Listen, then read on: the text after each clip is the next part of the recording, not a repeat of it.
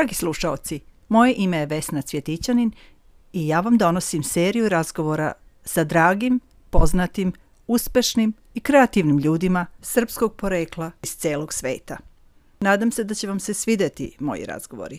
Pridružite nam se svake nedelje na ovoj istoj podcast platformi.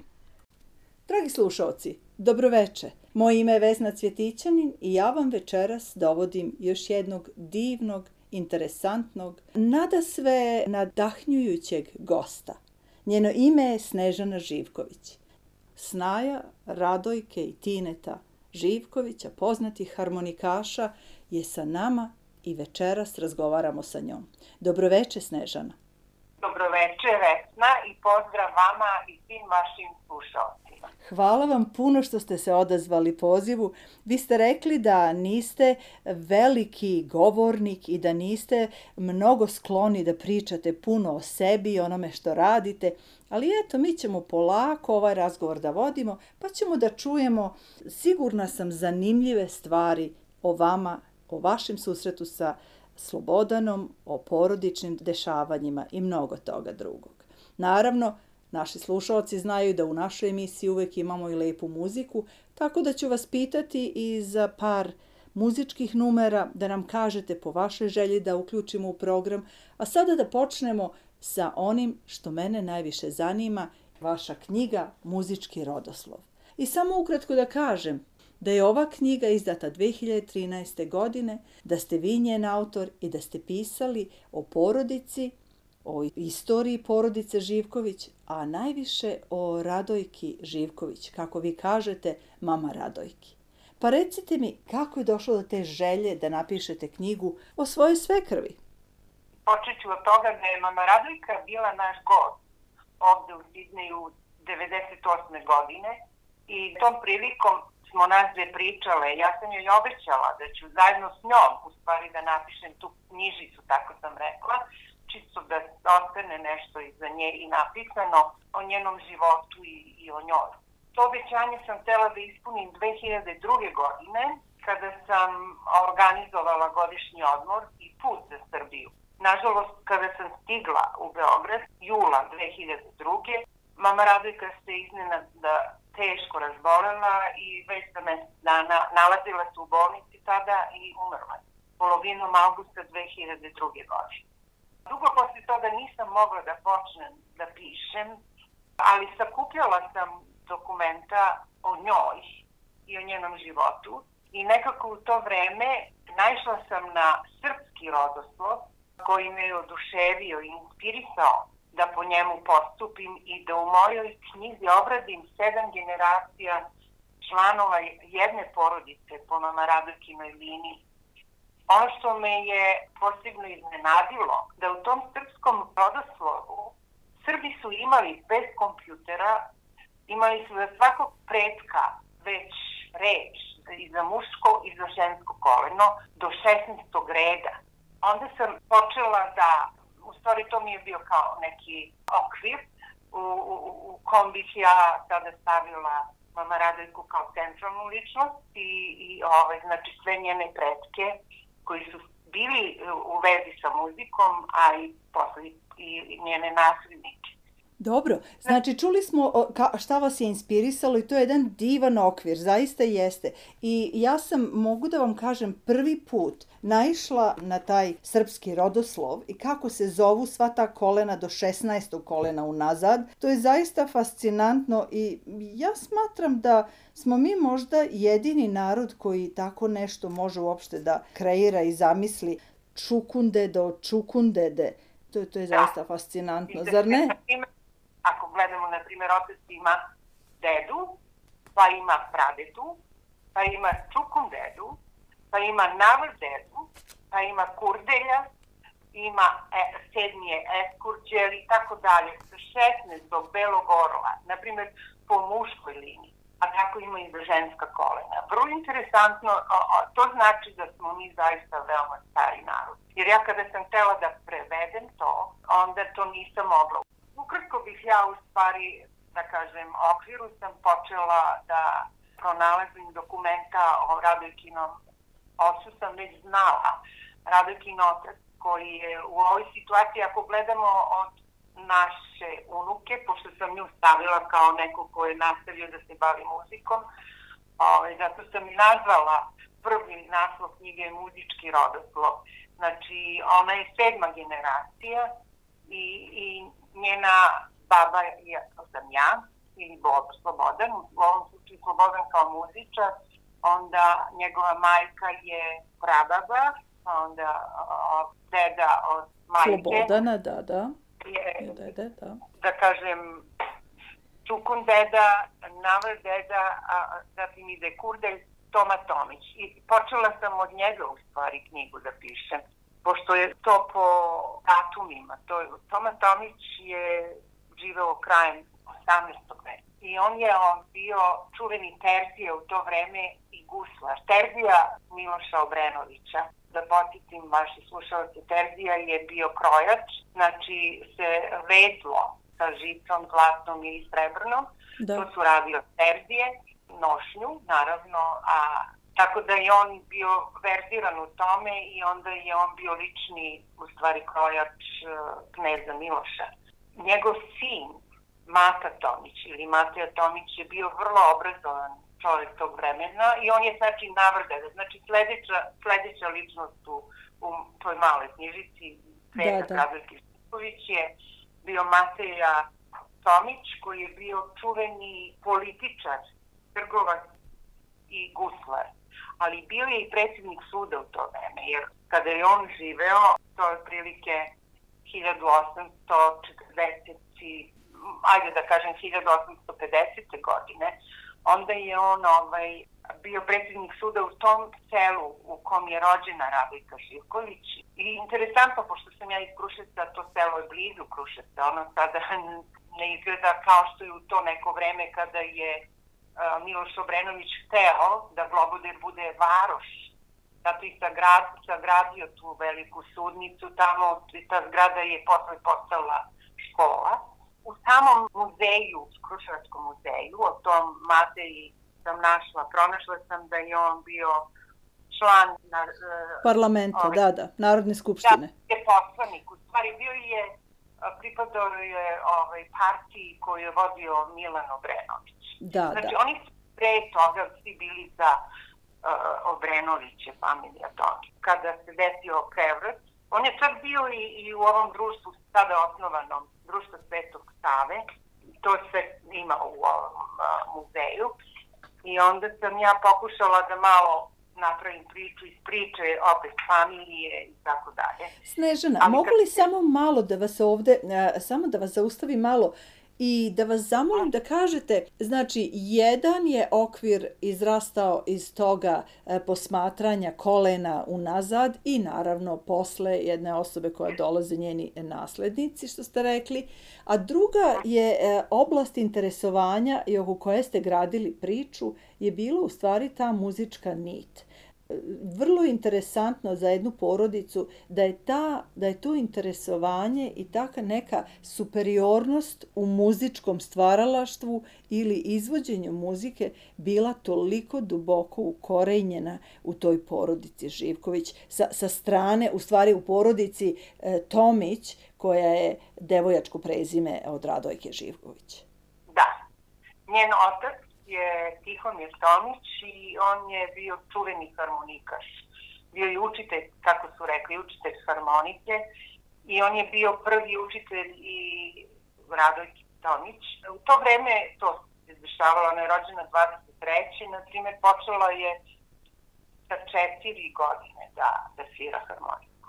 Da. Ona je bila čudo od deteta svog vremena i ona je, ono što je interesantno, tada devojčice nisu svirale, da. pogotovo ne Monike i o, o, nije bio zato, ali njena velika ljubav i interesovanje ga je navelo da ipak mora da je pomogne, tako da je ona 1932. godine dobila, možda je to Slobodan vama već i rekao, dobila je angažman da svira svake nedelje na Radio Beogradu.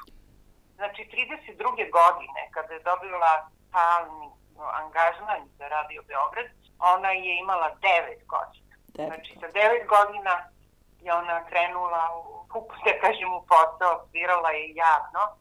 Tako da, zahvaljujući stvari svim tim podacima koje ovaj, sam ja u, dobila na kraju, ovaj, ona je čak 2002. godine, dva meseca pre nego što je umrla, imala nastup na televiziji. Znači, zahvaljujući tome, ja sam na kraju shvatila da ona možda bude u Guinnessovoj knjizi i onda sam je ovaj, pokupila sva ta dokumenta i poslala.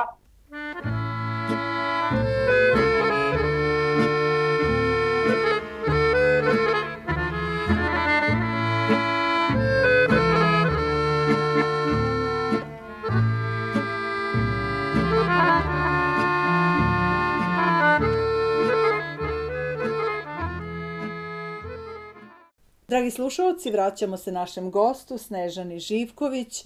Ona nam je u prvom delu emisije govorila o tome kako je došla na ideju da piše knjigu o svojoj svekrvi Radojki Živković. Čuli smo o tome na kojim osnovama je ta knjiga nastala, o rodoslovu, a naravno i o muzici u toj porodici. Pa sada da pređemo malo na vremenski bliže događaje. Vi ste, kada ste istraživali o, o Mama Radojci, kako ste je vi zvali, vi ste e, gledali e, mnogobrojne programe, snimke koje ste uspeli da nađete.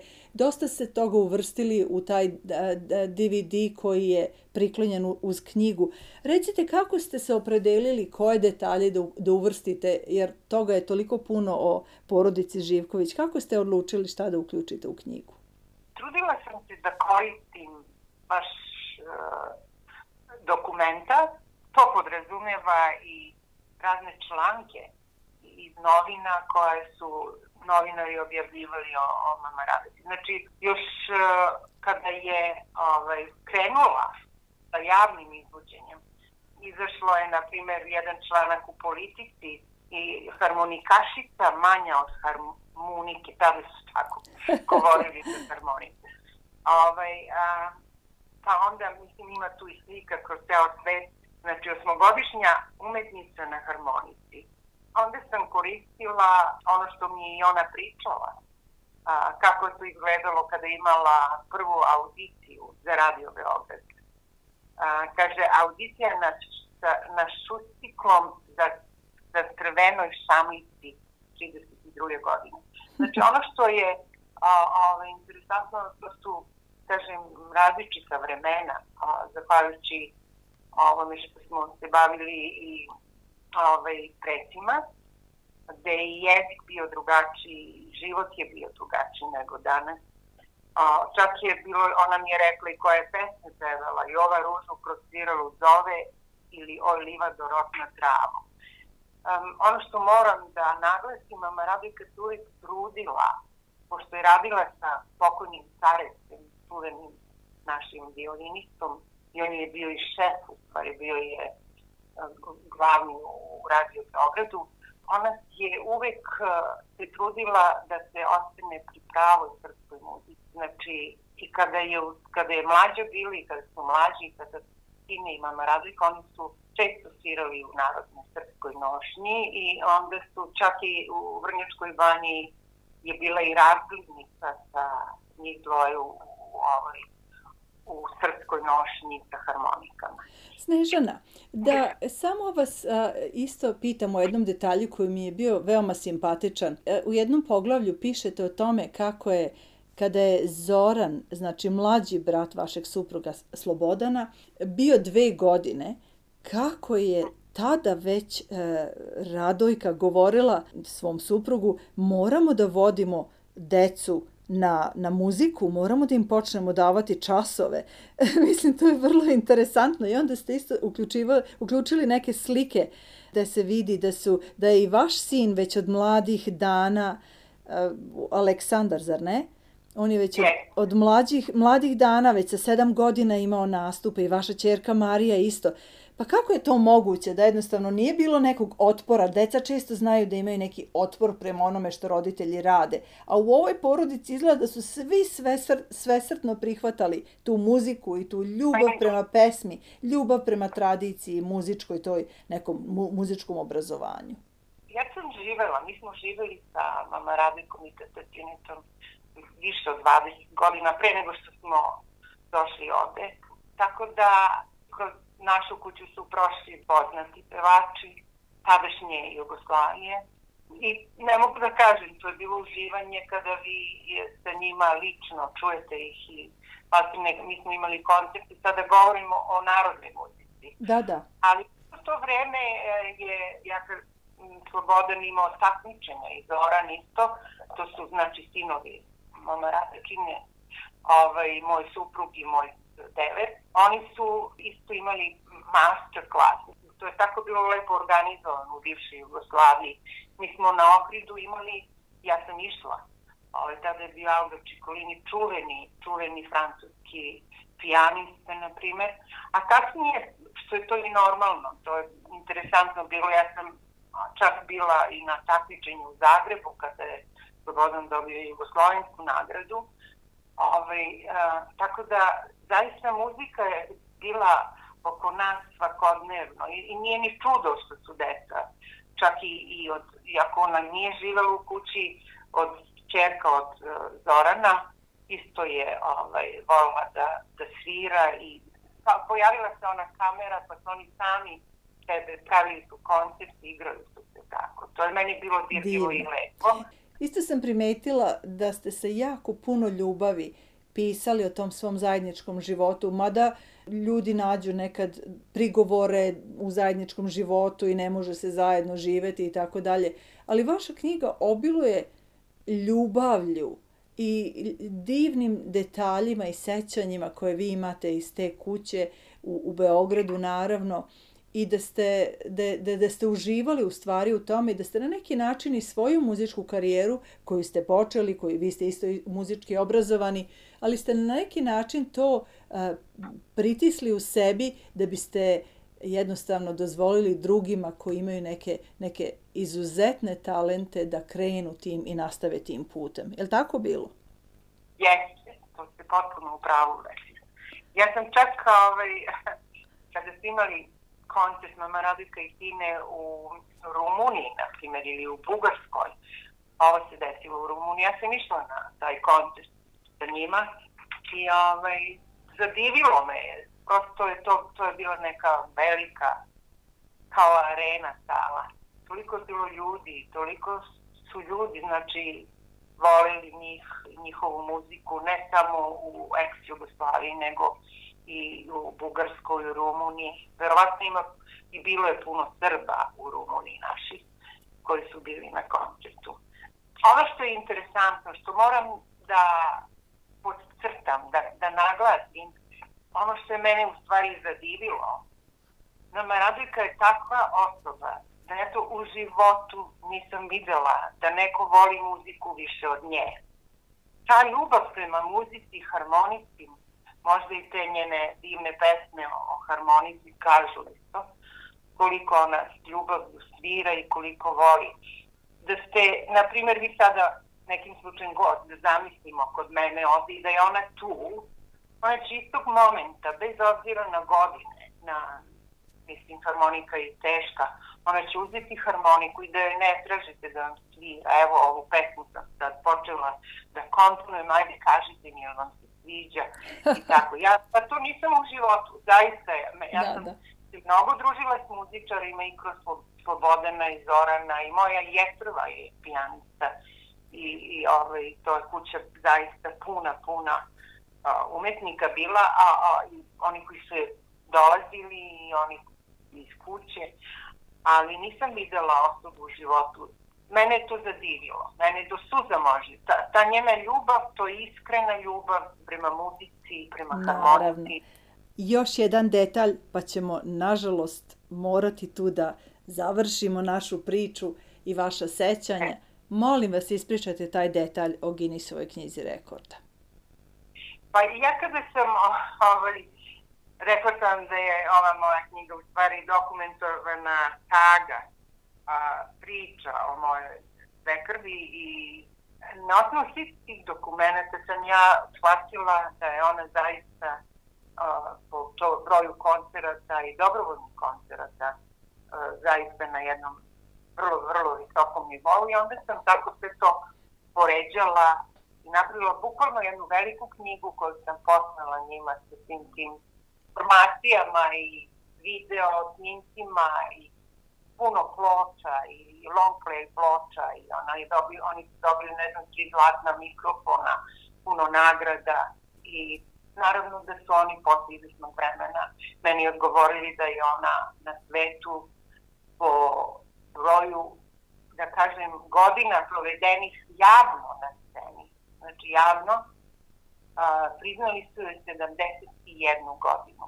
Neverovatno. Da ne verujem da će iko ikad nju prevazići. I ona je prva i što se tiče žene i, i harmonikaša i nije u pitanju bilo samo harmonikaš, javno izvođenje na sceni. Da, da. Ima puno u knjizi, ima puno ovih velikih uh, kritičara, umetnika koji su govorili. Ali nešto ću, moram da se posjetim i da vam kažem. Mislim da je važno, zato što je meni to nešto najviše u ovom. Naravno, naravno. To je, uh, sad ne znam koje godine, ali pre nego što smo ovde došli, Irina Bočkova, to je čuvena violinistinja iz Rusije, je imala koncert na Kolarcu I posle koncerta je, u stvari, da, Marija je bila, već su bili na fakultetu, fakultetu jer je njen profesor e, doveo Irinu i, i, i ovaj, kod nas kući posle koncerta. Ima, ja imam taj video snimak, imam Radeta je njoj svirala i tu je bila žena od uh, Marinog profesora koja je bila profesor na fakultetu muzičke umetnosti i se klavir predavala, a suprug je bio violinista. I ono što je, dok je mama Radojka svirala, to kako je reagovala ovaj, Irina Botkova, ja sam zaista takva jedna, jedna svetska umetnica, sa koliko ljubav, ona je imala takvu ljubav prema mama Radojci, a i ova druga, pijanistinja koje su rekle, ovaj, to samo može Radojka. Znači, ona je posjedovala nešto što je mogo da primeti svako na ovom, ovoj zemaljskoj kugli koji je imao veze sa mu. Njen osmeh, njen pogled, onaj njen stav, to je tako sve odisalo nekom milinom i nekom dobrotom, da je to, nije se to moglo pretvarati. Ona je bila baš takva osoba. Jeste, to se upravo. Potpuno se slažem. Draga Snežana, puno vam hvala što ste pristali da budete gost u mojoj emisiji Srbija u mom srcu. Ja se trudim da u našoj emisiji, u mojoj emisiji, svake nedelje predstavim jednog uspešnog, posebnog, dobrog, dragog čoveka, osobu, bilo da je to muškarac ili žena, da jednostavno zabeležim, napravim jedan zapis o tome, bez obzira gde naši ljudi žive, želim da zabeležim one uspehe, ono nešto što je posebno lepo i jedinstveno. A sigurno ovo što ste nam ispričali i hvala vam puno što ste puno toga dokumentovali u knjizi koju ste spremili o Radojke Živković, ja mislim da je to nešto što je raz, moglo da razgali i da može da razgali uz njenu muziku svačiju dušu. Hvala i vama. Dragi slušalci, ovo je bila Srbija u mom srcu za ovaj utorak. Ja ću se vratiti sledećeg utorka sa nekom novom pričom. Doviđenja!